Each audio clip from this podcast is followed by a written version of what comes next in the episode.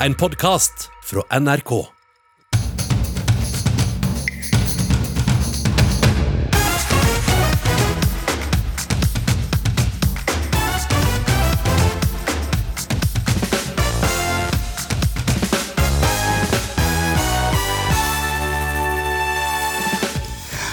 Skihopping blitt en konkurranse om å veie minst? Anders Jacobsen han innrømmer at han slanka seg for å hoppe lengst mulig.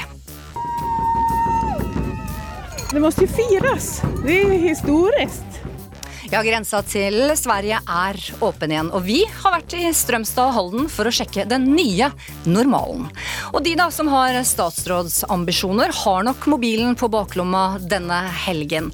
Anne Grete Strøm Eriksen hun trodde det var en spøk da Stoltenberg ringte for å spørre om hun ville bli forsvarsminister. Det var jo snakk om på den tiden at noen ringte opp til folk og spurte om de ville bli statsråder. Jeg spurte er det deg igjen. Han skjønte jo det at jeg var i tvil. Tror du det er Team Antonsen eller noe sånt? Jeg tror det var det han sa. Og vi, vi fritter ut påtroppende statsminister Jonas Gahr Støre og kommende statsråd Trygve Slagsvold Vedum ganske snart. Mitt navn er Synnøve Svabø, og hummerfeberen den herjer langs kysten. Vi, vi vil finne ut om hummeren Elvis fortsatt lever. Kiloprisen den er altså fra 800 kroner til langt over tusenlappen per kilo. Jakten på dyret, som med det rette kan kalles havets sorte gull, er godt i gang. Og for alle oss da som ikke får dratt på hummerfiske selv, så er det mulig å følge hummeren på nært hold, sekund for sekund. For Havforskningsinstituttet de sender nemlig live fra en hummerteine fra Flødevigen i Arendal. Og reporter Victoria Marie Nordahl, der er du nå på plass. Hvorfor sender de livestream fra en teine, egentlig? Ja, Det er jo et eh, godt spørsmål. Nå er jeg jo her på Flødevigen eh, hvor eh, man kan se det direkte på PC-en hjemme. Og foran meg så er det noen hummer. Og det er jo veldig fascinerende å følge med på. Og Lene, det er jo dere som står for denne streamingen av hummerteiner. Hvorfor gjør dere det? Ja, så Det er jo sammensatt. Det begynte som et morsomt prosjekt. for å, Vi hadde et kamera og vi lurte på hva som var nede i vannet. Og så har det balla litt på seg. Det er jo viktige data som går inn til forskningen. Du får uh, oppdatert informasjon om hummerne, du får fulgt med gamle venner og de kjenningene vi har. Og så får vi jo uh, sendt ut bilder til veldig mange, så vi når ut til veldig mange med oppdatert kunnskap og fakta som vi ikke ville møtt på andre arenaer, da. Det er jo niende året dere holder på med dette. Hvor mange er det som egentlig følger med? Du, nå har jeg ikke sjekka dagens tall, men i går så var vi oppe i 125 000 som har vært innom streamen. Og det var det vi faktisk klarte på 19 dager i fjor. Eh, så nå har vi slått alle rekorder så langt med seere, da. Eh, det er jo sånn at det er mange som følger med. Det har blitt litt sånn kjendishumre her. Men dere har jo en som er den store kjendisen. Elvis. Kan du fortelle, kan du fortelle litt om han? Ja, Elvis var en eh, maskot på Hummernes salgslag i Grimstad. Og så var det en jente på 13 år som syntes fryktelig synd på den hummeren. Fikk samla sammen noe penger og kjøpte den rett og slett for å slippe den fri. Han var 45 cm og veide over 4 kg. Det var i 2016. Han ble sluppet fri her i Frøydvigen, egentlig rett i nærheten av der Hummerteina Live står. Så i dag så har vi prøvd å sette litt ekstra teiner og sånn for å se om vi kan finne han, da. Han er jo svær. Foran oss er det jo noen eh, ekstremt store hummer. Jeg kjenner jeg blir litt sånn øh, De har store klør. Eh, hvor stor er disse i forhold til Elvis? Ja, nei, altså, Han eh, som ligger der, han er jo bare 38 cm. Så vanligvis ville du sagt at han er svær. Han er jo over maksmål på 32 cm, som vi har her. Eh, men i sammenligning med Elvis, da, som var 45 cm i 2016, så blir han jo liten. Nå veide vi han akkurat, og da veide han bare 2,8 kg. Elvis veide 4, så han er stor. Stor, fin han, men liten i forhold. Eh, og Elvis er jo altså Hvis han har hatt noen skallskift da, siden 2016, så begynner han kanskje å nærme seg 50 cm. De vokser seinere når de er større, men sjansen er jo stor for at han er nesten for stor til å gå inn i vanlige tegner. Så jeg tviler på at vi kan få han i TV-tegna vår, men vi kan kanskje se han på utsida. Og få han i fisketegner, da. Så Elvis er stor, men, men det blir spennende å se om vi snart kan finne han. Ja. Vi håper altså at vi i Ukeslutt aller først kan fortelle verden at Elvis, han lever. Takk så langt, eh, reporter Victoria Marie Nordahl, med oss også fra Arendal denne lørdagen. Da skal vi til hoppsporten, hvor også Maren Lundby, regjerende olympisk mester i hopp, overrasket mange denne uken da hun meldte pass torsdag. Hun stiller ikke i OL i Beijing. Jeg har vel bestemt meg for å stå over årets sesong. Og det kommer av at jeg har innsett at jeg ikke er i stand til å konkurrere på det nivået jeg ønsker i år. Og det som ligger der, er at jeg er, ja, jeg er noen kilo for tung for å drive toppidrett eh, på, si, på høyeste nivå.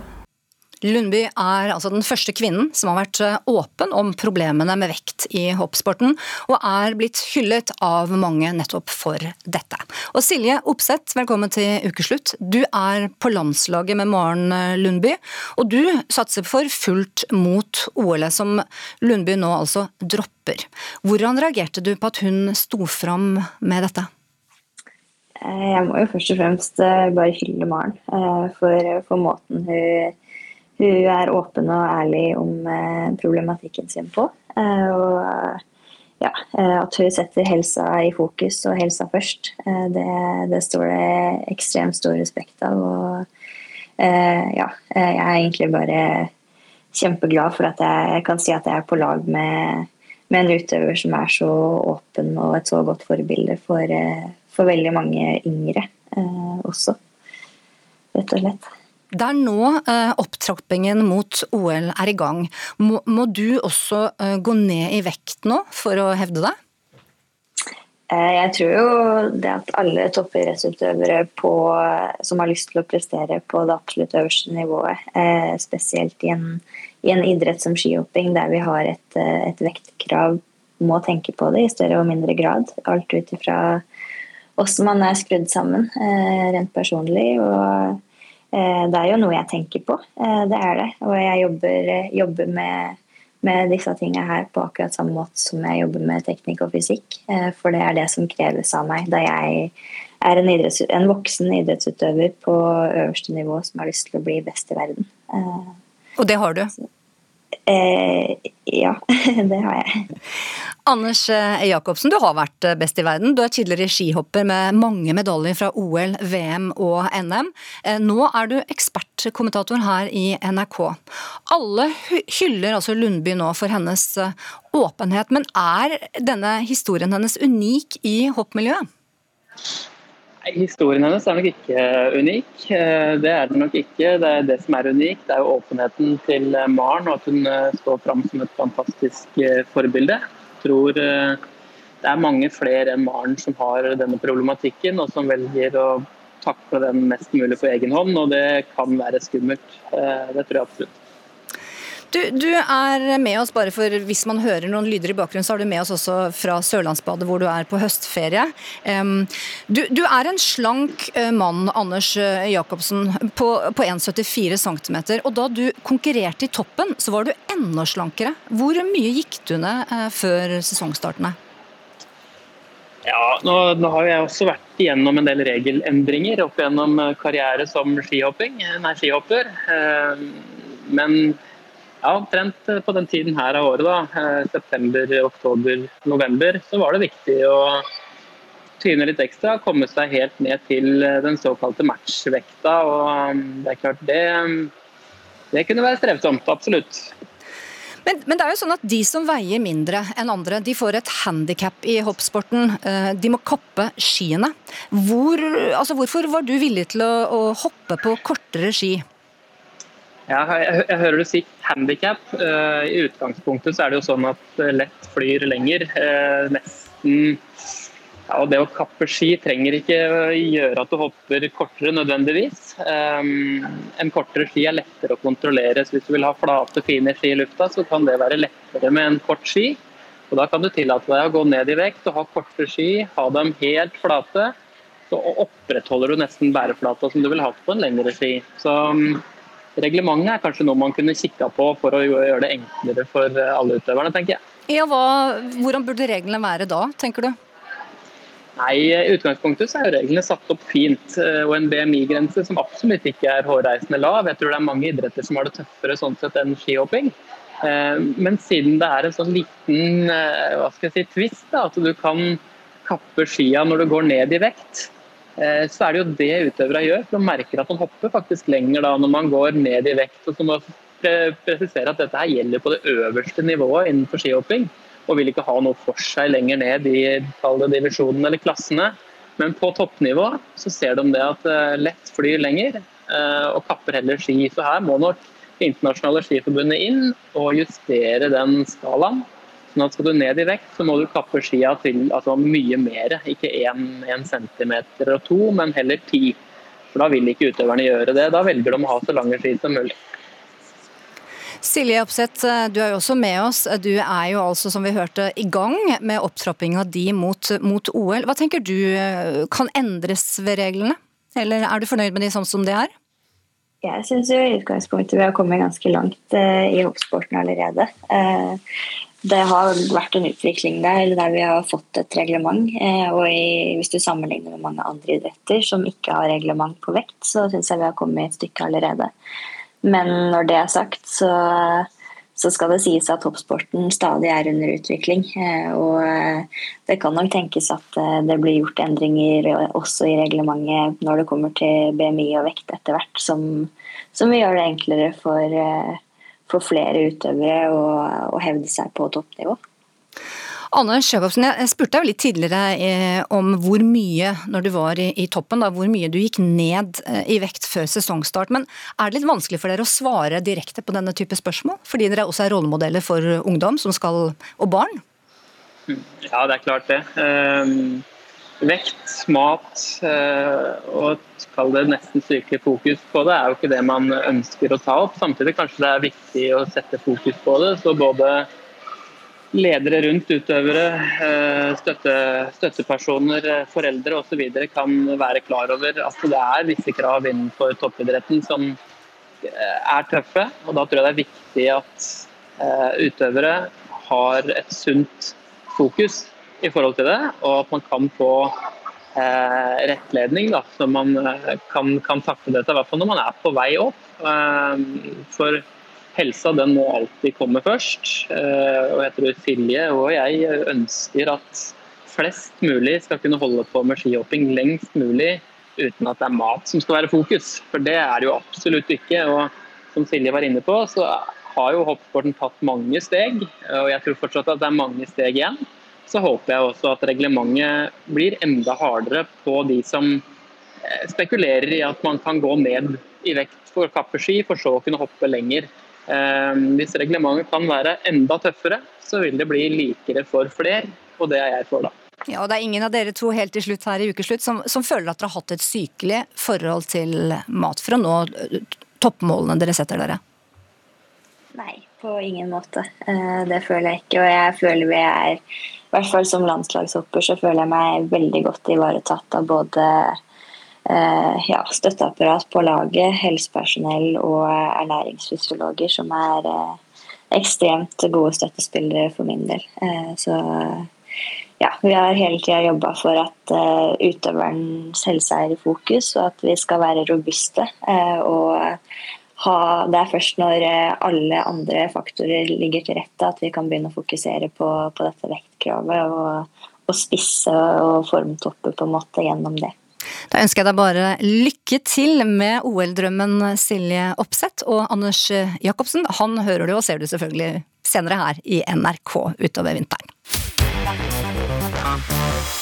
Denne uken så åpnet regjeringen og alle, eh, alle grenseovergangene til Sverige igjen. Og for mange så betyr det mye.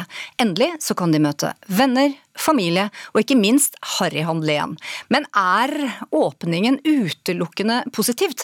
Vår reporter Filip Johannesborg han dro til Halden og Strømstad for å sjekke denne nye normalen. Natt til onsdag åpnet de siste grensepasseringene mellom Norge og Sverige, og det ble selvfølgelig feiret. Det må jo feires! Det er historisk. Nå er det ikke lenger bare fullvaksinerte som kan grensehandle. Og nå blir det som nyårsaften i stedet. Ja, men nesten større, faktisk. For det her er jo faktisk, det hender ikke ofte. Ordføreren i Strømstad, Kent Hansson, kan skimte grønne tall i kommunebudsjettet. Nå er det mange som drar på smilbanden igjen og kjenner at det det, det er samhället Samfunnet er på vei å normaliseres litt. Så det, och det känns väldigt bra. Där över gränsen får man vara vem man vill. Men på den norske siden av grensen står Britt Bratteli. Så vi lever jo godt med grensa, men vi ser jo på en måte hva vi har gått glipp av. Bratteli er leder av Haldens kjøpesenter Tista, og det siste året har salget av mat, drikke og polvarer nådd utrolige høyder i grensebyen. Men nå er det slutt. Vi var veldig spent når, når grensene åpna da 1.7, eh, og vi kan se resultatene nå for juli, august og september. Eh, og det er en gradvis nedgang i tall. For nå kan endelig ting bli som normalt igjen. Eller kan det det? La oss skru klokken tilbake til midten av mars 2020. Og her har vi jo noen eh, klassikere, f.eks. med Pepsi Max og Cola Zero og På den svenske siden av grensen står butikksjef Ole Jørgen Lind og ser sin Maximat-butikk tømmes. Ikke for varer, men for folk. For oss som eh, var en av Sveriges og Nordens største dagligvarebutikker i 2019, så gikk det fra 100 til 0, rett og slett. Eller 100 til 1, da. Vi mista 99% av omsetninga vår. Hver dag måtte butikksjefen krysse grensen fra sin jobb på Nordby kjøpesenter og over til Halden for å komme seg hjem. Og hver dag fikk han en ny tidagers karantene. Ja, Det endte vel med 477 dager i karantene da, for alle grensegjengere. Ja, Det var som en slags hjemmesoning. Vi var jo avskåret fra alt sosialt liv. Jeg er jo veldig glad for at jeg på en måte ikke har vært senterleder på, på Nordbysenter det siste halvannet året. Mens salget av mat og drikke på Nordbysenteret stuper, så ser senterleder Britt Bratteli i Halden helt andre tall. Når bransjen mat og drikke har en økning totalt sett på, på 63% i løpet av året, så er det, det er voldsomme endringer. Og voldsomme endringer finner vi i Strømstad også. Heidi Karoline Nystrøm leder Strømstad sin kjøpmannforening og har bodd i den svenske grensebyen i elleve år. Eh, Det vi visste, det var at vi hadde null smitte her i Strømstad. Men allikevel fikk ingen lov til å komme og besøke oss. Plutselig en dag sto grensen der som en mur, og nordmenns forhold til svenske pendlere, det ble anstrengt. Jeg håper vi kommer til å glemme fort, men det har jo vært polarisert. Det har, eh, som nevnt tidligere, vært litt sånn Bor du på den svenske siden, så der er pesten, liksom. Tilbake i Stadshuset i Strømstad sitter ordfører Kent Hansson med sitt budsjett. Ja, vi anser jo at vi har vært den, den kommunen i Sverige som er hardest rammet av pandemien. Antallet arbeidsløse i Strømstad femdoblet seg under pandemien. Og da grensen fortsatte å holde stengt gjennom 2020, måtte kommunen se seg selv i speilet. Det vi har lært oss det er jo at det er, vi har jo et veldig ensidig næringsliv. Men det er klart at vi ble jo innser jo at eh, vi behøver flere ben å stå på. Og kanskje er det derfor stemningen ute på gaten i Strømstad nå er litt lunken. Jeg bare deg på, eh, nu har grensen åpnet. Hvordan kjennes det her i Strømstad? Ja du, jeg vet faktisk ikke. Jeg har ikke merket. det. er et elende. Det var vel det du ville høre? va? Eftersom, jeg er gammel og ikke tjener på dem. De med affærer de vil jo elsker jo nordmennene. Men det, det, vil jeg ikke påstå jeg gör. Affærene, eller butikkene, elsker i hvert fall nordmennene. Det kan leder av Strømstads kjøpmannforening, Heidi Karoline Nystrøm, skrive under på. Vi merker det i butikken også. Eh, Lykkelige, smilende norske stamgjester, for å kalle det det, som kommer opp trappa til oss. Og det er helt herlig. Vi har savna dem. Hva sier dem da? Nei, de bare Å, det er så godt å være tilbake. Der over grensen får man vara Og om ikke alle svensker er glade for å se nordmennene igjen, så er i hvert fall nordmenn glade for å være tilbake i Strømstad. Hvordan føles det nå som grensene endelig er åpnet igjen? Jeg Synes det er helt suverent, jeg. Også på Nordbysenteret strømmer nå folk til. Ja, Det er som du ser rundt det her. Det siger på med kunder fortløpende. Med tomme vogner som skal fylles opp. Men i Halden er salget av dagligvarer synkende. Eierne av Tista-senteret har likevel fått blod på tann, og setter nå i gang med å utvide senteret, forteller senterlederen. For her er, her, er, her er senteret vårt, og så er det her er nytt. Så vi bygger ut nå eh, her. Og kanskje har haldenseren fått smaken på å handle i egen by. For Britt Bratteli er grensen mellom Norge og Sverige igjen blitt et vagt minne. Men, men, men, men sånn tror jeg det er med haldenseren. Vi tenker ikke over den grensa. Det er bare en strek og en bro. Ja, det er når du kommer og spør. Da må vi jo tenke på den grensa. Det har vært utrolig god stemning i gruppa, og det knytter seg nå høye forventninger til regjeringsplattformen til Arbeiderpartiet og Senterpartiet, og hva, ikke minst, de er blitt enige om etter forhandlingene på Hurdalssjøen hotell. Nå blir dere ferdige? Ja, nå, skal vi, nå er vi ferdige. Vi er ferdige, ja. Ja, noen har sagt søndag. ja men nå får vi bare bruke den tida vi trenger. Hvordan føler du at prosessen går? Prosessen går. Prosessen går, ja. Det går bra. Den går bra, den. Taburetter? Unnskyld? Har dere begynt å forhandle taburetter? Tabletter? Taburetter. Ta deg en pille, Pent. Og Erna Solberg hun har vært tydelig på at hun først vil levere sin avskjedssøknad til kongen når statsbudsjettet for neste år er lagt frem tirsdag. Velkommen, kommende statsminister Jonas Gahr Støre. Når er du klar til å ta over som landets statsminister? Nei, noe av det Trygve og jeg har snakket om da vi reiste fra Hurdal i går, var at uh, noe av det fine i Norge er at sånne uh, skifter skjer på en ordnet og respektfull måte. Så det vi har uh, lagt opp til, er at Stortinget samles høytidelig, som det hetes, på mandag. Erna Solberg legger fram sitt siste statsbudsjett på tirsdag. Og så er vi klare til å legge fram vår plattform på onsdag, og da vil vi være klart med både politikk og mannskap til å ta over på torsdag. Så det er den rekkefølgen vi har lagt opp til. Hurdalserklæringen. Ja, Det er et fint navn, da. Det er det. Ja, det er det. Jeg sus over den. Og uh, Har du nå Støre startet jobben med å ta ut laget og ringe opp, opp aktuelle statsråder? Ja, Vi er i den etappen nå. for nå, Da vi dro fra Hurdal i går, så var vi enige om å si at nå er vi klare på at Senterpartiet og Arbeiderpartiet kan danne regjering sammen. Det gjenstår litt sånn skrive ut og kvalitetssikring, som det heter på fint. Og da er, har vi snakket også denne uka om hvordan vi lager et godt lag. Altså, jeg er opptatt av at det laget jeg kom med er bra for, ser bra ut fra Senterpartiets side, og det de kommer for ser bra ut fra vår side, for vi skal være ett lag. Så det har vi pratet en god del om. Men nå går vi jo inn i den fasen hvor vi da må prøve å lande det på en god måte. og ta disse berømte samtalene kan på en skikkelig måte. Du kan jo ta en her og nå, det er kanskje litt, litt rødt, men du kan, kan du røpe noe her og nå, da? Større? Om vi ringer deg, mener du, Svabø? Nei, nei. Eh, og om du har ringt noen, og om nei. noen har sagt ja. Vi er ikke der ennå. Men uh, vi, vi, vi, gjør dette på, igjen på en skikkelig måte og har uh, den tiden vi trenger til det. Men Trygve Slagsvold Vedum, velkommen til deg også. Jeg regner med at du allerede har fått den telefonen, eller har du ringt deg sjøl? nei, det var sånn Nei, jeg har ikke ringt meg sjøl, nei. Det heldigvis ikke gått så langt. Jeg ble sliten oppe på Hurdal, for vi jobba ganske hardt eh, for å få til pass en bra politisk plattform. Men jeg ble ikke så sliten at jeg begynte å ringe til meg sjøl. Men jeg tror vi kan bekrefte at uh, vi er med. Ja, vi vi begge to. Vi begge to er med, det kan vi bekrefte. Vi er tommel oppover bordet. Det gledes. Men, men tittelen Vedum, um, altså finansminister, klinger jo bra. Det klang jo bra for Senterpartiet den gangen Gudmund Restad også var finansminister. Jeg vet ikke, hva tenker du? Nå tenker jeg at vi skal at eh, Jonas og jeg skal sette sammen et godt regjeringslag. Ja, vi, og Da er det å fylle helheten som er det viktige. Ja. Og Så skal jeg ta en, en viktig jobb i den regjeringa, selvfølgelig. Uh, og så er det viktig det politiske gjennomslaget også. Så, så jeg er sikker på at uh, nå, på fornavn Jonas og jeg kan lede den regjeringa godt sammen, og selvfølgelig han som statsminister. Støre, altså, mens landslagstrener i fotball Ståle Solbakken eller, eller Ole Gunnar Solskjær da, i Manchester altså de tar jo en, til enhver tid ut et lag hvor toppformen og formkurve, og ikke minst skåringsteften er, er stor på de enkelte. Og eh, du må jo også vektlegge hensyn da, som kjønn, mangfold og distriktsprofil. Er du nå redd for å, å skuffe mange der ute med, med ambisjoner?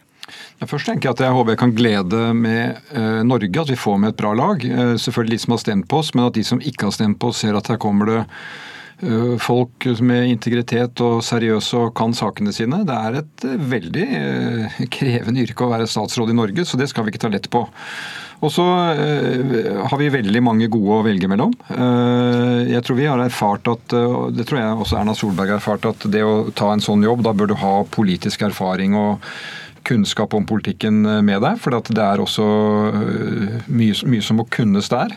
Eh, og Da er jeg sikker på at eh, vi har mange gode å velge mellom. Og så er det jo alltid sånn at noen sikkert hadde tenkt at de kunne vært på det laget, og det kunne de, men eh, sånn sett er det ikke plass til alle. Så det er en del av, av dette. Ja, sånn det må være. Men, men, har dere en, vil dere si at dere har en Braut Haaland i kurven? Vi har mange. Mange. Vi har gode, både, Hvis vi skal bruke det bildet, så skal vi både ha folk som er gode i angrep, midtbane og forsvar. Og skåre mål. Selvfølgelig. Ja. Det handler, men det handler jo om å gjennomføre politikk. da, fordi at eh, eh, Vi har jo en ambisjon om å kunne vise at øh, dette betyr en forskjell. Uh, nå er det vanlige folks tur. Vi skal ta hele landet i bruk. Vi skal møte klimaendringer og ny politikk på mange områder. og Det skjer ikke med en utnevnelse eller med et knips. Det må jo skje med at du kan liksom starte politikk og ha utholdenhet og gjennomføre den. Du, Vedum, jeg leste at eh, du sa i går at dere har eh, blitt enige om et program, da, et skriftlig program for å ta Norge videre. og Da ga dere hverandre et godt gammeldags eh, håndtrykk på det. Men du har det skriftlig òg? Vi har det skriftlig òg, men noe av det viktigste når vi jobber med det, er selvfølgelig at vi lager fram et godt gjennomarbeida politisk program. Men så er det også den tilliten man bygger mellom partier og mellom folk. For det, når du skal være eh, så privilegert å lede et land, så blir det også ganske mange tøffe dager. Og da er nettopp det med tillit eh, noe av det viktigste. Og det, det har vært noe av det gode med den prosessen vi har hatt på Hurdalssjøen hotell. at eh, I tillegg til å jobbe hardt, så er det også bygga enda mer kunnskap og tillit til hverandre. Som ikke bare mellom, bare mellom meg og Jonas, men også mellom våre folk som har vært med i de forhandlingene. Så det har vært et veldig hardt arbeid, men, eh, men vi kommer eh, Jeg syns vi har kommet godt ut både politisk, men også mellommenneskelig. og det kan jo måte, Hvor viktig er det? Men det selvfølgelig er det viktig, ikke minst når det kommer krevende runder. og I løpet av fire år så kommer det krevende runder for et land. Og vi vet aldri helt hva, men da er det viktig at vi kan ha en holdning med å hjelpe hverandre, for det er jo det vi skal gjøre. Som en regjering så skal vi prøve å hjelpe landet, og vi, også vi i regjeringa må prøve å hjelpe hverandre for å få en, få en god kurs. Og nå skal dere også snart få hånd på rattet, kanskje ikke begge to samtidig, da, men dere skal bygge landet. Og jeg tenker nå som dere har bodd på dette hotellet og vist at eh, bygd og by kan bo godt sammen eh, uten at det blir slagsmål en ukes tid på, på høyfjellshotell. Eh, Det er ikke alltid det skjer, for å si det sånn. Hvilke sider har dere blitt kjent med hverandre som, som dere ikke har visst om på forhånd? Nå er jeg spent på Ja, hva ja, si. si. nei, altså, jeg har kjent igjen Trygve da, eh, som den han er, og der han kommer fra i sitt politiske virke, det, det partiet han eh, kommer fra. Men vi har jo brukt veldig mange timer sammen. Så det ene er at uh, evnen til å holde humøret. Det er Trygve. Jeg tror mange kjenner han som godt humør, men han forhandler tøft for sine standpunkter. men det er et smil, og det tror jeg er veldig viktig å kunne ha med. Så Det er én ting. Det andre er at han er en veldig uh, kunnskapsrik politiker. Eh, som kan eh, politikken eh, i, i bredt, og det trenger vi jo, for vi skal gå gjennom hele spekteret. Og det, siste, og det siste jeg vil si da, som det er oppfølging av det jeg sa i sted, det er at eh, vi har jo klart å utvikle mange ting som vi er enige om og formulert det bra. Og så kommer du til uenighetene. Hva gjør du da? Da ene er å stå hardt mot hardt og så se hvem som på en måte gir seg til slutt. Og Sånn er forhandlinger noen ganger. Men du kan jo også da noen ganger ta et steg til siden og se hvordan kan vi finne løsninger her som ivaretar viktige hensyn. Forstå hva som er viktig for meg, jeg forstår hva som er viktig for han. Og det tror jeg vi begge sitter igjen med følelsen at vi er blitt sett og forstått. Og når du får den i bunn, da kan du gjøre ganske mye, faktisk. Da kan du løse mange eh, problemer, og så kan det bli faktisk ganske gode saker. og det, Den evnen har jeg sett eh, hos han, og det som Trygve sa i sted, tror jeg er veldig viktig når du skal gå på eh, krevende år eh, for Norge. Det forstår vi. Men, men Støre, eh, eller jeg mener unnskyld, Vedum, har du noe om Støre som vi andre ikke har visst om? Nei, ikke noen sånne overraskende ting. Jeg tror, men det som er veldig en positiv egenskap som eh, Jonas har, er nettopp det han løfta fram på slutten. Det er det å evne til å finne løsninger. Eh, Og også da høre på den han snakker med.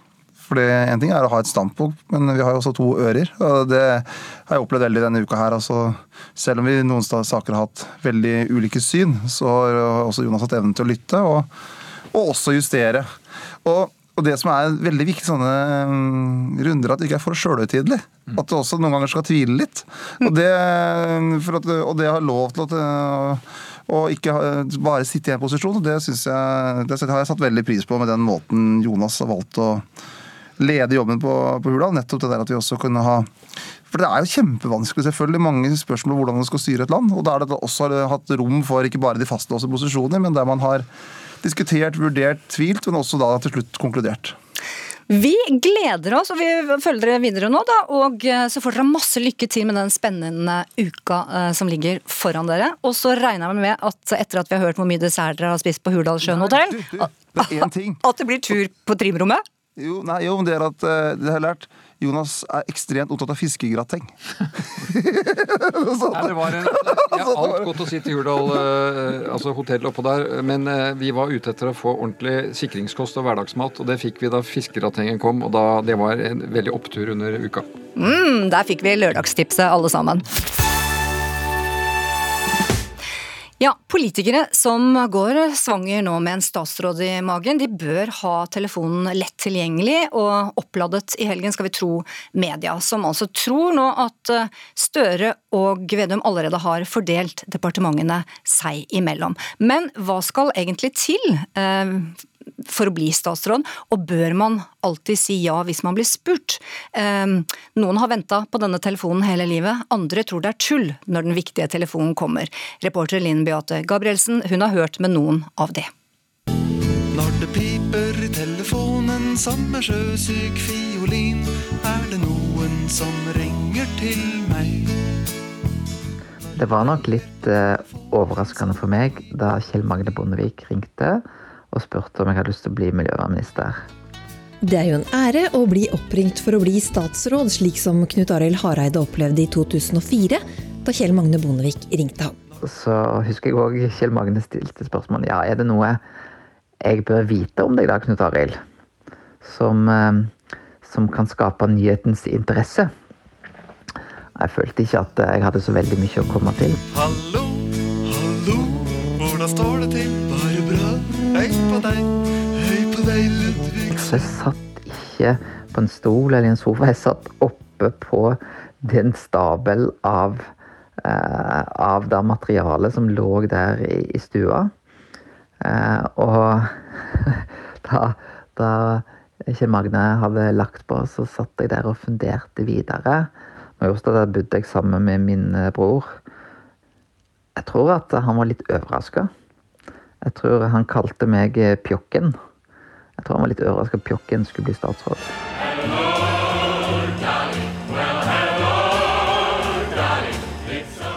Eh, Jens eh, ringte meg eh, søndagen før eh, den nye regjeringen gikk på. Men spørsmålet til Stoltenberg fikk Anne Grete Strøm-Eriksen til å lure. Han stilte meg spørsmål Anne Grete, jeg ringer deg eh, for å spørre deg om du vil bli forsvarsminister i den nye regjeringen. Forsvar det var jo ikke det jeg hadde, hadde jobbet mest med, da, selv om vi har en stor marinebase i Bergen. Så jeg tenkte dette må være en spøk. Dette må være en som ringer og bare for Ja. Det var, jo, det var jo snakk om på den tiden at noen ringte opp til folk og spurte om de ville bli statsråder. Jeg spurte er det deg, Jens. Han skjønte jo det at jeg var i tvil. Og så sa jeg nei, nei, tror du det er Tim Antonsen eller noe sånt? Jeg tror det var det han sa. Eh, og så hørte jeg jo det var han da. Nei, jeg hører jo at det er deg og, og sånn. Så jeg, men jeg, jeg må si at jeg tenkte meg om noen ganger da før jeg svarte ja. Hello, is it me you're looking for? Når eh, Jens ringte til meg med spørsmål om å bli næringsminister, så hadde jeg planlagt at jeg skulle på rypejakt helga etter, og skjønte jo med en gang at det kommer ikke til å gå. Dag Terje Andersen kom i ei lita knipe. Og i og med at ting var så hemmelig, så kunne jeg jo heller ikke si fra til dem jeg skulle jakte sammen med. Så jeg husker jeg bare sendte en kort SMS om at dessverre så blir jeg forhindra fra å være med jakt i helga. Og eh, etter at det ble offentliggjort at jeg var utnevnt da på fredag til statsråd, så fikk jeg SMS tilbake at det var gyldig forfall.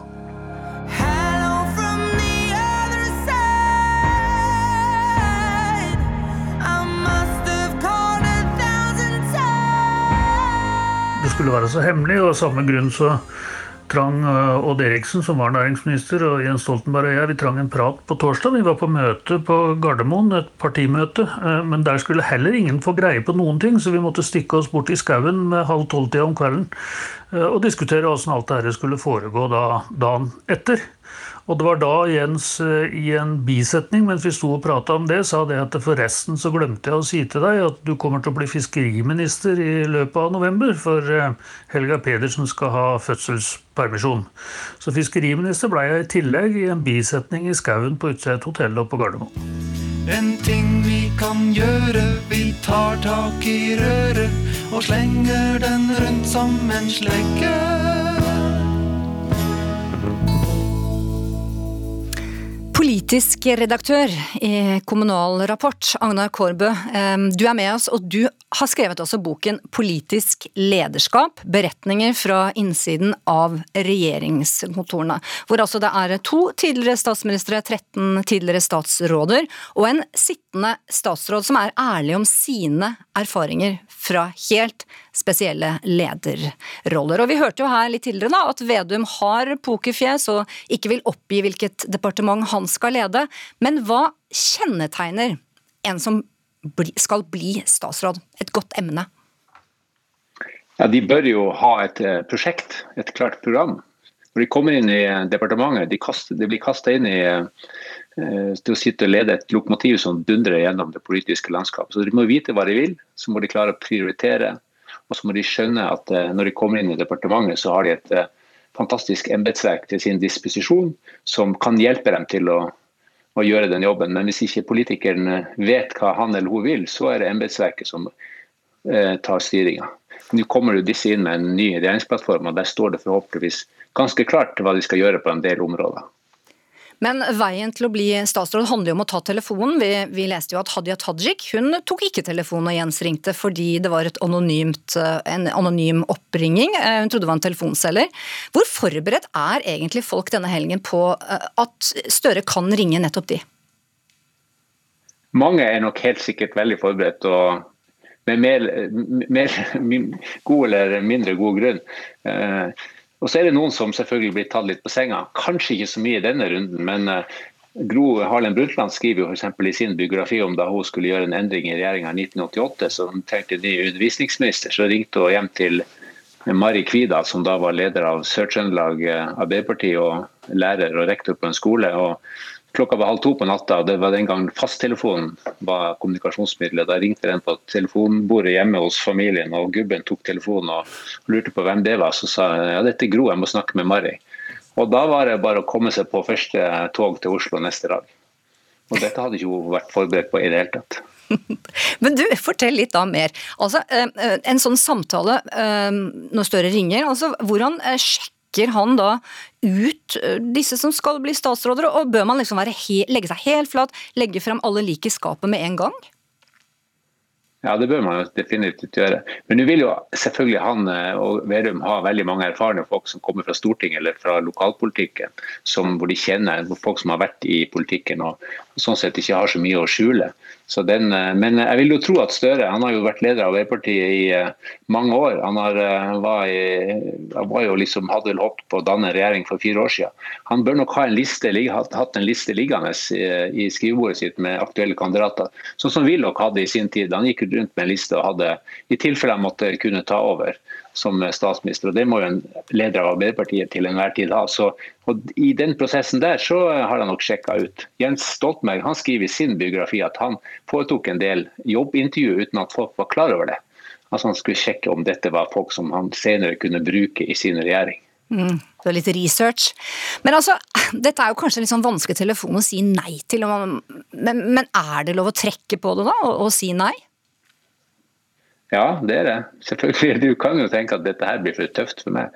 Eh, Hilde Marta Solberg, som ble sosialminister under eh, i Gros regjering, hun sa nei første gang av hensyn til familien, hadde småbarn og sånn. Jeg vet også Gro Ballas eh, skriver også Gro takka nei.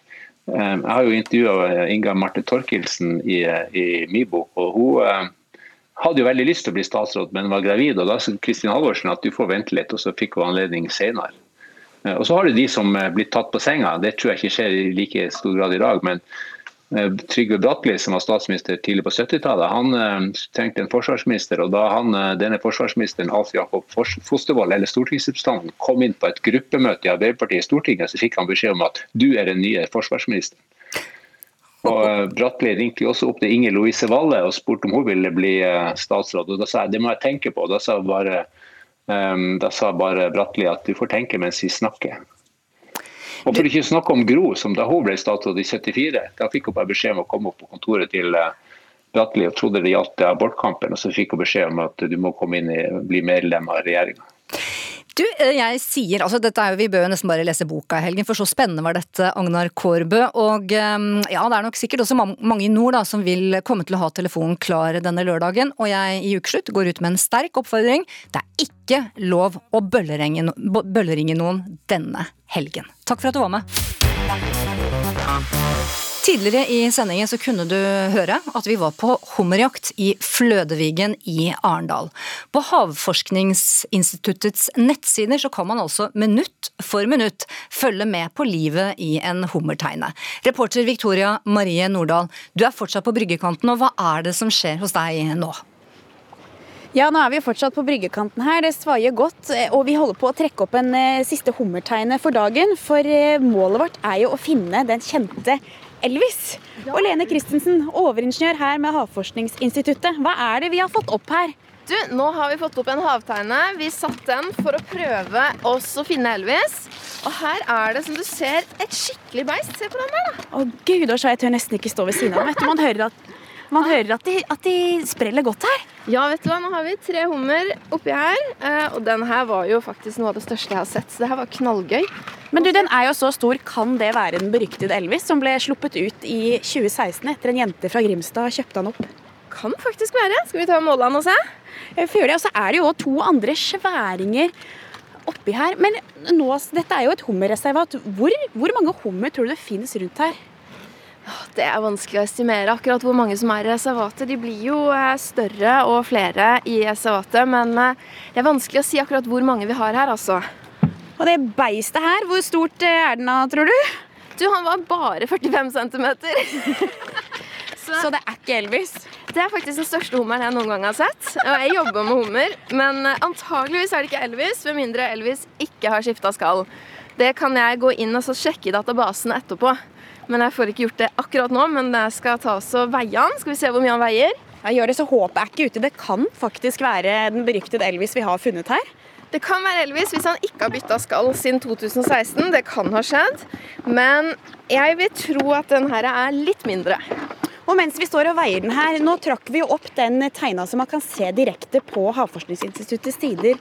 Um, og var, Vi trakk den opp litt seint. Det var mange som ringte. Dere har jo en stor fangroup. Tror du mange kommer til å bli ekstra gira nå som en så stor hummer har kommet i bøtta? Ja, altså Nå kommer jo ikke akkurat den her på livesendinga, dessverre. Eh, det hadde vært veldig gøy å få den i eh, den tegna, men eh, det er mange som følger med, og jeg håper jo at vi kunne fått en sånn en på livesending òg. Men nå er jo spørsmålet hvor tung var den? Han var 4,2. Og hvor tung var Elvis? 4. Eh, det kan, kan være. Men eh, vi må sjekke dataene for å være helt sikker. Men han er like stor som Elvis var når den ble sluppet ut her. Så det er jo en kjempesvær, fin hannhummer. Helt knallgøy. Så vi får ta og sjekke databasen, og så får vi eventuelt komme med en liten oppdatering om vi har funnet den store Elvisen. Jeg lover her og nå, i ukeslutt helt på tampen, så skal du få vite om, selvfølgelig, Elvis lever. Så skal vi gjøre taktskifte i ukeslutt. Sist helg så døde en person som selv var fullvaksinert etter et koronautbrudd i hjemmetjenesten i Molde, og dette av en uvaksinert ansatt. Totalt så er tolv personer blitt smittet av vedkommende, hvorav seks brukere av hjemmesykepleien, to kollegaer og fire nærkontakter. Og Wenche, to av de som ble smittet, det er faren din, og det er deg. Og du stiller opp her i Ukeslutt anonymt denne lørdagen av hensyn til eh, faren din. Velkommen. Takk. Du, fortell nå, Hvordan reagerte du da du fikk vite at eh, det var smitte blant de som steller og pleier din far? Eh, først med vantro. Og jeg har overhodet ikke tenkt den tanken på at dette kunne skje. Jeg tok som en selvfølge at helsepersonell er vaksinert. Og det var det da ikke de som var hjemme hos han. Og faren din er fullvaksinert, og hvor, hvordan går det med han nå? Hvor syk ble han? Jeg har vært innlagt på sykehus eh, flere ganger, og nå i går så ble han ute av sykehus, men eh, langt ifra frisk. Du etterlyser nå tiltak fra Molde kommune, og hva er det du mener må skje?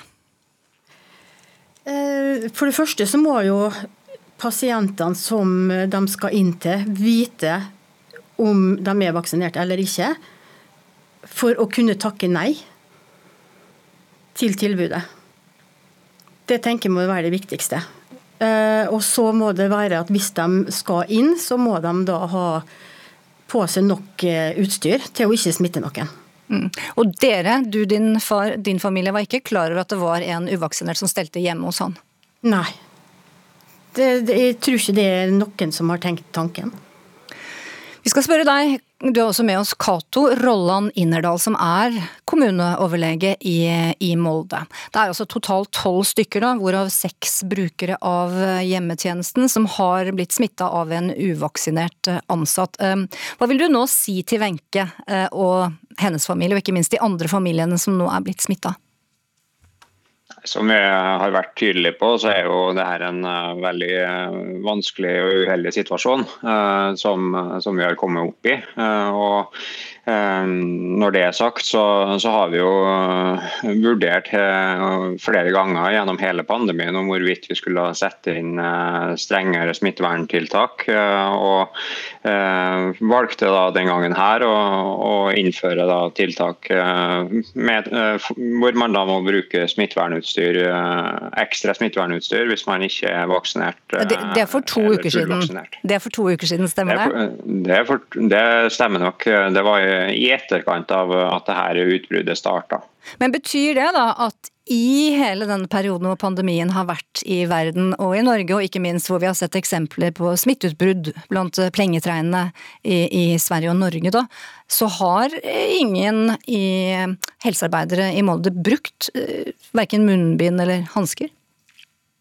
Jo, eh, i starten av pandemien så, så, var det jo nasjonale anbefalinger på hvordan man skulle, altså hvilke smittevernutstyr man skulle bruke. Eh, og så er det jo sånn at eh, det foreligger ingen nasjonale anbefalinger i dag på, på hvordan man skal bruke smittevernutstyr når man har fullvaksinerte brukere, og som man skal ta vare på og ta hånd om. Eh, og Den samme situasjonen har vi egentlig hatt hvert år eh, i forbindelse med influensa. Eh, og hvor det, det nok i enda større grad er variasjon mellom kommuner og sykehus på, på hvor mange stor andel av, av de helsepersonellene som, som, er vaksinert. Men du, Hvordan var det mulig da at beboere ble smittet av en ansatt i hjemmetjenesten? For Man har vel også plikt som ansatt kanskje å sjekke og gi beskjed til arbeidsgiver hvis man er syk, og arbeidsgiver kan også tilrettelegge for andre oppgaver. da.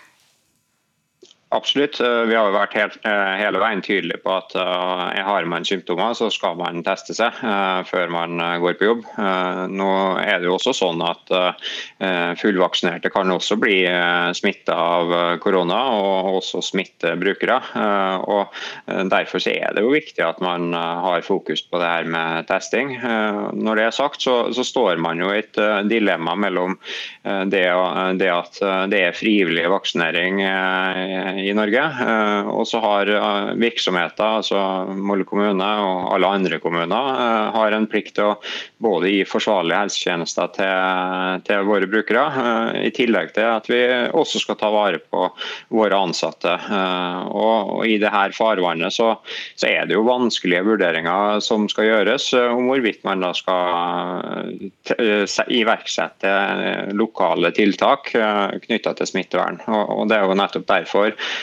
jeg og mange andre kommuneoverlegekollegaer rundt omkring i landet har, har tatt til orde for og, at eh, man fra sentrale myndigheter bør eh, komme med klare anbefalinger på hvordan vi skal håndtere eh, vaksinerte, og, uvaksinerte og delvis vaksinerte helsepersonell. Og det skal du få svar på ganske straks når vi får besøk her fra departementet og statssekretær Saliba Korkunch.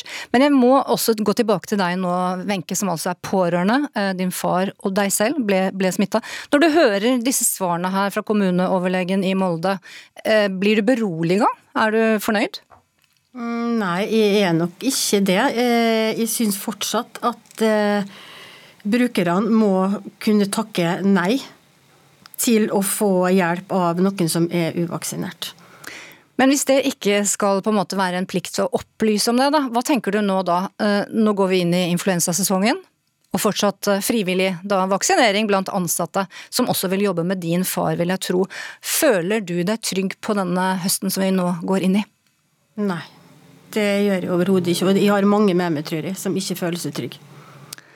Takk for at du valgte å stille med din historie denne lørdagen i ukeslutt, Wenche. Og jeg går nå videre da til um, deg, statssekretær Saliba Korkunch. Um, du skal få svare Cato Rolland Innerdal, da kommunelegen i Molde, som er også med oss videre. Aller først, er det noe Molde kommune burde gjort og kunne gjort for å unngå denne smitten i, i hjemmetjenesten? Altså, det, er lett å være etterpåklok, eh, så jeg skal ikke dømme Molde kommune. Det er derfor du er her, så jeg vil eh, egentlig vite det med en gang. altså, Reglene er jo sånn at vaksinasjon i Norge, det er frivillig. Eh, og det er rett og slett sånn at eh, og Hadde vi hatt tvang, så hadde vi antageligvis hatt en lavere vaksinasjonsgrad blant helsepersonell eh, enn hvis ikke. Så, så tvang det sitter veldig langt inne. her. Samtidig er det sånn at det er pasienten som er viktigst i helsetjenesten. Så hvis det er sånn at en pasient enten nekter å oppgi om de er vaksinert eller ikke, eller er uvaksinert, så kan arbeidsgiver, det være kommunen eller sykehuset hva sier du? Nå sa du en pasient? En, en, ja, en i helsetjenesten. Helsepersonell eh, er uvaksinert eh, eller ikke ønsker å oppgi om de er vaksinert eller ikke. Så kan da arbeidsgiver, f.eks. sykehus eller eh, kommune, bestemme da og i verste fall omplassere denne personen, slik at den personen ikke har noe med sårbare pasienter å gjøre. Og Burde ikke Molde kommune gjort det? Det er klart at det er mange andre tiltak som kan skje før man kommer helt bort til omplassering. Det er klart at Vi levde jo med covid-19-pandemien eh, der hvor helsepersonell behandlet pasienter lenge før vaksinen en gang eksisterte.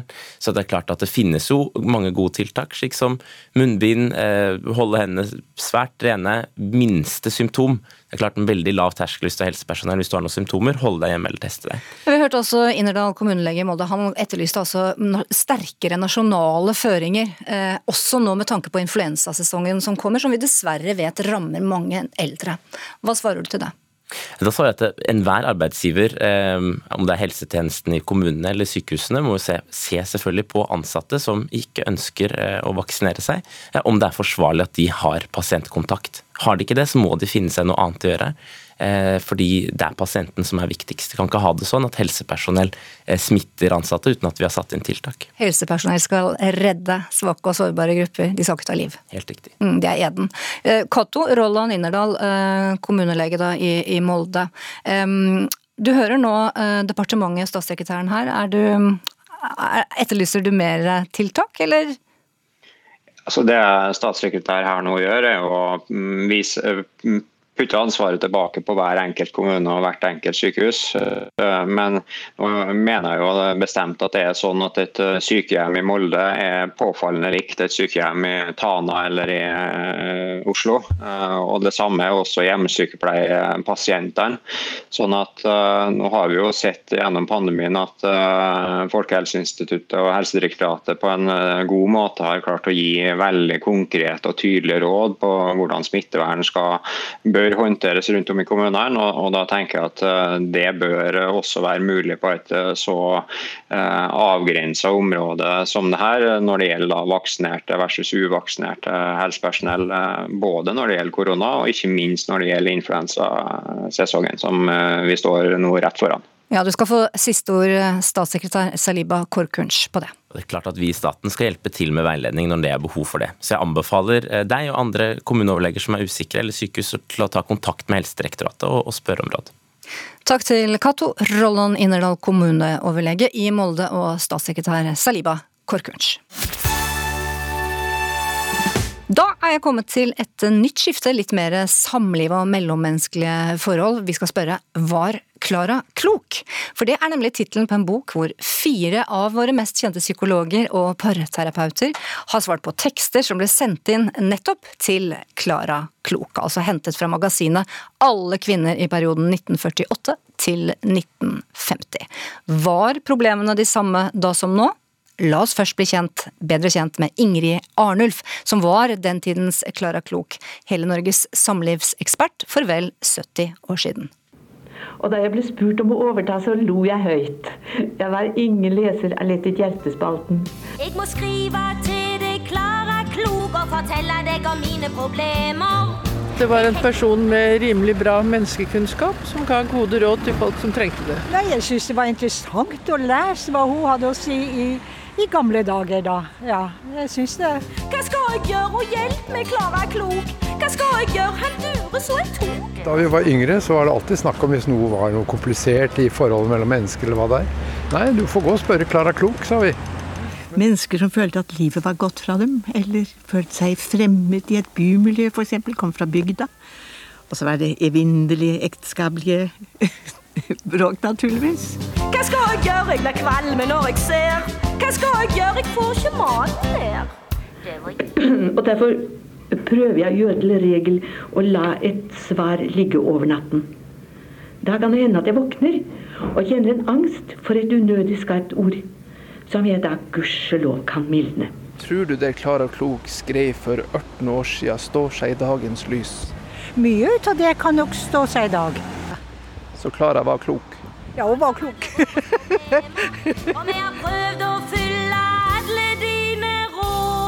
og vi har litt oss nesten skvett i hæl. Katrin Sagen og Peder Kjøs, velkommen i studio. Takk Takk for det.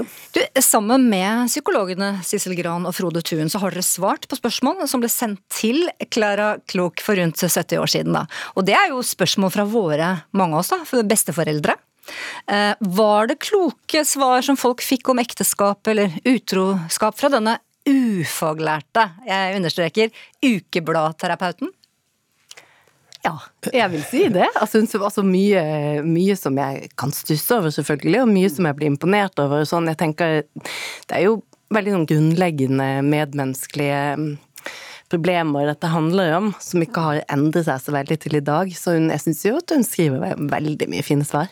Jeg syns også det, men jeg syns hun er ujevn. Eh, ja, noen ganger så er det åpenbart at hun blir sur, eller at hun blir moralsk og blir indignert og sånne ting. Ja. Eh, og så er hun veldig ofte veldig klok, syns jeg. Og det, det er jo allmennmenneskelige ting. Det var noe av det som jeg synes var slående med å lese de spørsmåla, er at de er jo helt dagferske, egentlig. Ja. Og svaret hennes er jo på en måte litt tidsprega, men også veldig Jeg syns det er en sånn type allmennmenneskelig klokskap som hun virkelig har.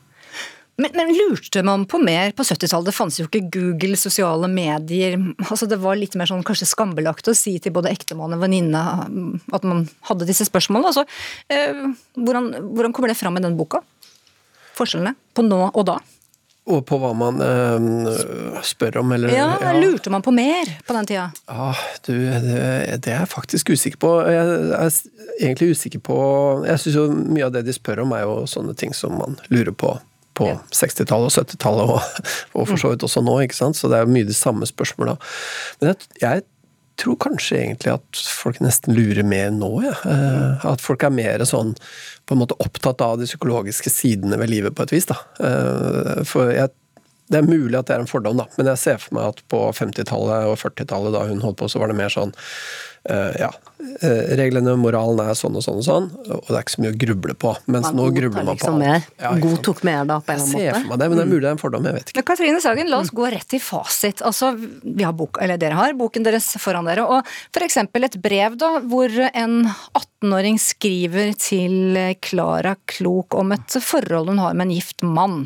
Eh, og eh, hva skal jeg gjøre, jeg er intim med han. Hva, da svarer hun eh, Klok selv, smell ham med en god, gammeldags fik! Hva ville Katrine Sagen sagt hvis en kom inn i terapirommet eh, i 2021? Eh, ikke akkurat det, i hvert fall. Vi vil jo ikke oppfordre til vold eller hva jeg skal si, på den samme måten, eller det er ikke akseptabelt i det hele tatt. sant? Men det som mm, jeg, jeg oppdaget da jeg leste hennes svar, og mitt eget, eh, så, så så jeg at liksom at Klara er mye tydeligere på konfrontasjonen enn det jeg var med den mannen her. Eh, og det syns jeg var, var litt sånn spennende, for hun er jo Jeg skjønner jo det, hun skyter jo litt eh, fra hofta innimellom, og det er jo liksom litt gøy òg, men samtidig så er det noe sånn noe klokt der ved at jeg ble, jeg ble rett og slett litt konfliktsky her. Eller jeg ville liksom at hun begge, begge to var enige at hun skulle ikke burde være i dette parforholdet. Eh, Men løsningen på hvordan komme ut var litt ulik, kan du si. Ja, Hva tenker du? Ja, nei, jeg lurer på om det var et av de tilfellene der Klara tenker litt sånn nei, ærlig talt. Ja. Og at denne ørefiken var noe hun gjerne ville gitt sjøl, på en måte. Ja, og samtidig da, så syns jeg at begge to, både Klara og jeg, var litt sånn kjapp på å fordømme hele parforholdet uten Vi aner jo ingenting om de bakenforliggende Om han var på vei ut, eller om han egentlig um, på en måte ikke var sammen med denne kvinnen, men at de hadde barn, og at det er komplisert, men at hjertet på en måte Eller at han var halvdød i det parforholdet. Altså, vi vet jo ingenting. Så vi var veldig vi, vi Jeg skøyt nok litt selv òg, plutselig. Men, men hva med denne?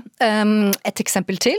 Min mann snakker knapt med meg, men med andre kvinner er han fortrolig. Og da skriver Klara Klok tilbake Er du herskesyk, masete og pirkete? Det er du som må rette på saken. Ja, der svarer vi veldig ulikt. Og da jeg leste hennes svar, så ble jeg også veldig mektig provosert i første runden der. Tenkte at her, hva driver du med? Legger du liksom alt ansvaret på henne, Så går rundt og holder hjemmet oppe, og kjærligheten til mannen sin, og prøver å engasjere seg og støtte opp.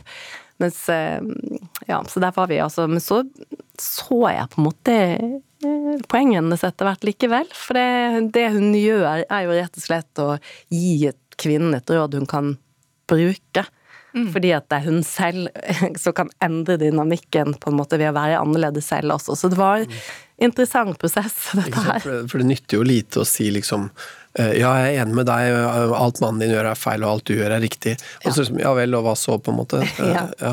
Sant, så det er helt klart. Sant? Jeg, jeg, ville jo i dag tenkt mer invitert til en samtale, en mm. konfrontasjon, en slags invitasjon til hva handler det om, er du på vei vekk fra meg? For det må man jo få lov til å gå ut av parforhold, ikke sant? Absolutt, og, og det er jo klart det at uh, i en sånn i et sånt parforhold da, hvor det ikke er noen samtale og ikke er noen kontakt, og sånn, så du kan ikke egentlig bare skylde på den andre. Du må se på hvorfor. Hva er det med meg som gjør at den personen jeg lever med, ikke snakker med meg, men med andre? Nettopp. Og det er et veldig hardt og vanskelig og vondt spørsmål. Veldig.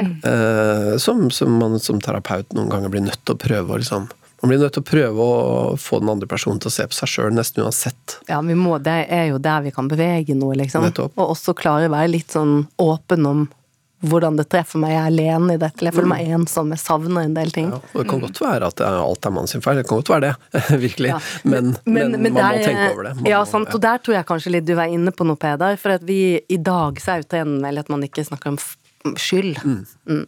Men du, nå eh, så skal vi avslutte med en nøtt her. Eller nøtt. Den er kanskje ganske provoserende, eh, Peder Kjøs, altså. Um, en uh, mann skriver til Klara Klok. Min hustru er utro.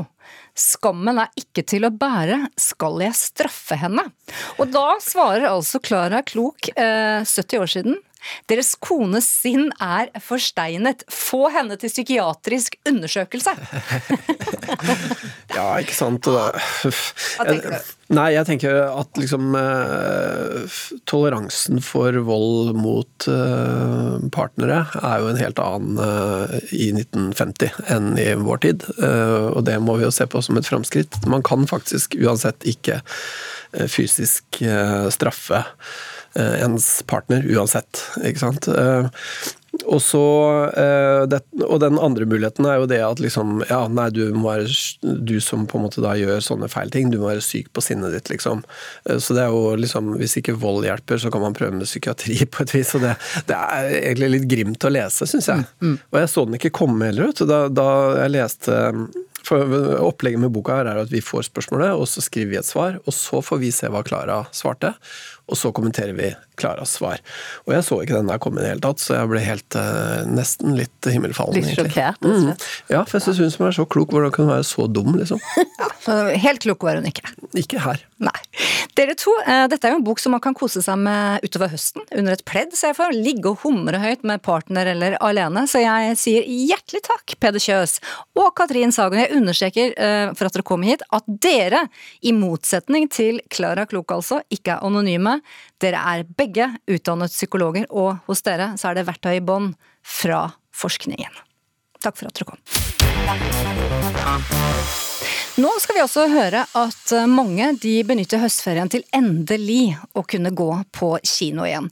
Og Daniel Craig James Bond slash får konkurranse nå på kinolerretet av en ny iskald helt. For Aksel Lund Svindal han gjør stuntene sine selv, om ikke i smoking, så en tettsittende trikot med frost på hjelmen. Og i denne filmen så får du ikke minst spektakulær filming av 100 kilo mann ned Kvitfjell, filmet med drone.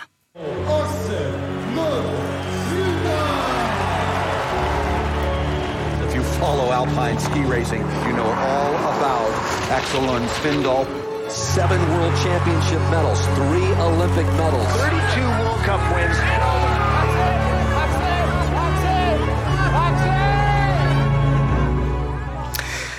To eh, utrolige olympiske gullmedaljer, fem VM-gull, to sammenlagtseiere i verdenscupen og 36 enkeltrenn, og den første mannlige alpinist som vant gull i fire verdensmesterskap på rad før Aksel Lund Svindal altså la opp i året 2019. Nå kommer filmen, Aksel, og velkommen til deg, Aksel Lund Svindal. Tusen takk. Du, du er på en slags nå rundreise i landet da, med filmen som har landspremiere 15. oktober, og du er nå i Bergen denne lørdagen. Hvordan er det nå endelig å møte masse folk igjen? Nei, jo, vi må jo først og fremst takke folk som møter opp, da, for det har vært uh, veldig hyggelig å se så god stemning. Og ikke minst uh, kinosjefer også, som er uh, lykkelige nå med at det går an å fylle opp saler igjen. Og ja, at vi er litt tilbake til normalen. så vi har utsatt litt, men vi må også innrømme at vi har, har litt flaks med at folk virkelig har lyst til, å, lyst til, å, komme seg ut og komme på kino igjen. Og den som venter på noe godt, venter ikke forgjeves. Og det er altså Even Sikstad og Philip Christensen som har laget filmen om deg, og fulgt deg over mange år. Og hvordan er det nå å sitte da i salen og se deg selv på lerretet? Ja, det er litt voldsomt, skal jeg være helt ærlig. Men uh, det er jo sånn som veldig mange andre ting i livet. Da. Det blir jo litt til over tid mens man uh, holder på. Så der er jo Det er vel fem år siden uh, Philip spurte første gangen om, vi, om, han kunne filme litt. Og så har prosjektet utvikla seg til ja, til å bli rett og slett en kinofilm med skikkelige premierer og, og greier. Så um, Litt ukomfortabelt, det må jeg ærlig innrømme. Men så er det noe med det at hvis du først skal gjøre noe, så vil du gjerne gjøre det ordentlig òg. Så da, ja, da slo vi litt på stortromma. Trives bedre på bakerste rad med bånd? Kanskje popkorn? Ja, jeg gjør, nok, jeg gjør nok, kanskje det. Det er bedre å se på andre. Og så er det noe med Det var jo kul, kul intro du hadde der, men klart 100 kilo mann nevnte du. og liksom Tightsittende spandex og klart bånd i, i, smoking. Han er vel hakket tøffere, jeg må vel innrømme det. Men uansett, shaken not stir, da. Og det er et tilbakeblikk fra en lang karriere, og det siste, ikke minst, comebacket ditt. Og det er spektakulær filming av denne mannen på 100 kilo da, ned Kvitfjell, for det er filmet med en drone. Og fortell litt om uh, Luke Bannister og denne FBV-droneteknologien, da. Som at det føles nesten som vi sitter på baksiden av hjelmen din mens du kjører ned Kvitfjell. Ja, Det var en idé um, som gjengen i Field, da, som har laget mye skifilmer tidligere. og egentlig Dette er første gang de lager uh, noe som ikke er actionfilm. Uh, de hadde en idé om å rett og slett filme utforkjøring på en måte ingen hadde gjort før. Og Kontakta Luke, som da var regjerende verdensmester i sånn droneflyvning, da, gjennom på en kjøre en slags slalåmløype med drone isteden. Eh, han eh, fikk jo flydd inn og fikk på han noen vinterklær og frakta han si ut, av, eh, ut av huset sitt og opp i fjellet. Så mm, han det var et, altså han var alt fra skal vi si, 10 meter til 10 cm bak, bak hjelmen min, men han var heldigvis hele tiden bak, så jeg registrerte han ikke. Men klart, bildene, bildene ble veldig veldig kule. og også kult når man skal lage en kinofilm og så prøve å by på litt ting som eh, folk jeg tror de ikke har sett før. Da, for å ja, ja, prøve å innfri litt, innfri litt, forventninger når eh, folk kommer inn i kinosalen. Altså det er 100 km i timen, 100 kg, og det går fort, kanskje et par bare minutter. Kan du få, lage det suget nå eh, til oss? Hva er det vi kan forvente? Hvordan kjenner du det på kroppen eh, på det beste da, når du suser nedover der? Som vi kanskje da kan oppleve litt av eh, i kinosettet? Jeg opplever det som sånn at du går inn i en slags boble. Da, for at du, um, ting går jo fort, som du sier, og det er uh, mye som skjer. Ikke minst er det liksom høy risiko hvis du ikke gjør ting riktig. Så det blir nesten litt det tunnelsynet som man sånn, litt sånn klisjé snakker om. At du konsentrerer deg kun om det som ligger foran deg som er viktig, og kobler ut alt annet. og så så Det merker jeg litt. liksom. Jeg merker at blikket mitt søker litt hvor ja, utfordringene som kommer, men kanskje enda mer det er jo fryktelig spennende. Noen ganger så spennende at det er veldig ubehagelig å stå på utforstart og skal kjøre utfor. Um, så kjenne eh, litt på, på, de følelsene med sånn selvfølgelig gode minner, men også litt sånn ja, Nesten litt deilig å være pensjonert, uh, følelse også, skal jeg være helt ærlig. men, men, men, vi stopper litt der, for det, det, er klart, ja, pensjonert og ung. Uh, du har vært gjennom mye. Det har vært oppturer og nedturer og skader. Og du har selvfølgelig da hatt en flokk eh, i ryggen din, eh, som har hjulpet deg litt underveis her. Og, og filmen er også en hyllest til denne flokken, og en fortelling om hvor mye idrett kan bety for en familie. Fortell litt hvem du deler alle medaljene, gullmedaljene dine med. Det er egentlig um, altså Det første du er inne på der, da, er jo familien min. hadde jeg, eh, altså Moren og faren min traff hverandre som skiinstruktører, på en måte, så det er jo bare ja, det, jo, det, var jo nesten sikkert uh, for, uh, Det måtte bli sånn at jeg skulle bli skikjører, uh, og broren min også. Og Sånn vokste vi opp, og så døde jo moren min når ja, jeg var åtte og, bro, og broderen var seks. Um, og den, jeg tror nok små barn skjønner kanskje ikke hvor tøft det er for den ene forelderen da, som er igjen. Um, og tar det kanskje litt for gitt at man fortsetter å gjøre akkurat de samme tingene man har vært heldig å få gjøre så langt i livet. Og det gjorde jo vi, for det løste jo faren min på en fantastisk måte. Så um, han, altså jeg, reflekterer kanskje litt over det, men han har selvfølgelig et bedre um, en bedre forståelse av hvordan den perioden var, sett fra kan si, voksens øyne og ikke, ikke en åtteårings øyne. Um, og så er det egentlig ja, både oss som familie og den gjengen eh, jeg har vært heldig å få være sammen med eh, som en slags familie nummer to og bestekompiser da, i alpint. Jeg må si En av de som virkelig har bydd på seg sjøl og, og, bidrar til at filmen har blitt eh, det den har blitt, det er Kjetil Jansrud, som jeg har da, i mitt voksenliv vært ekstremt mye sammen med. og er en fantastisk fyr. og han han, eh, ja, det er litt sånn rørende nesten å se, se han eh, her også, for han, det, det er blitt, eh, blitt, veldig ærlig og blitt veldig bra. Jeg blir rørt selv, jeg. er rørt av alle de herlige bildene som dere har gitt oss, og minnene, historiske sportsøyeblikka som dere to har gjort for landet vårt, og gitt oss ja, vi som er opptatt av idrett, vinteridrett. Så ja, jeg gleder meg til filmen. Det skal jeg kanskje ikke si. Altså, ja, gleder meg til mange filmer, da, men gleder meg til filmen. Og jeg ønsker deg hell og lykke videre på ferden som pensjonert eh, Aksel Lund Svindal. Og da eh, gjenstår det vel, da, bare for Unge lovende å takke for seg. Ansvarlig for sendinga har vært Kari Li, teknisk ansvarlig Ida Larald Brenna, og i studio Synnøve Svabø. Du har hørt en podkast fra NRK. Hør flere podkaster og din favorittkanal i appen NRK Radio.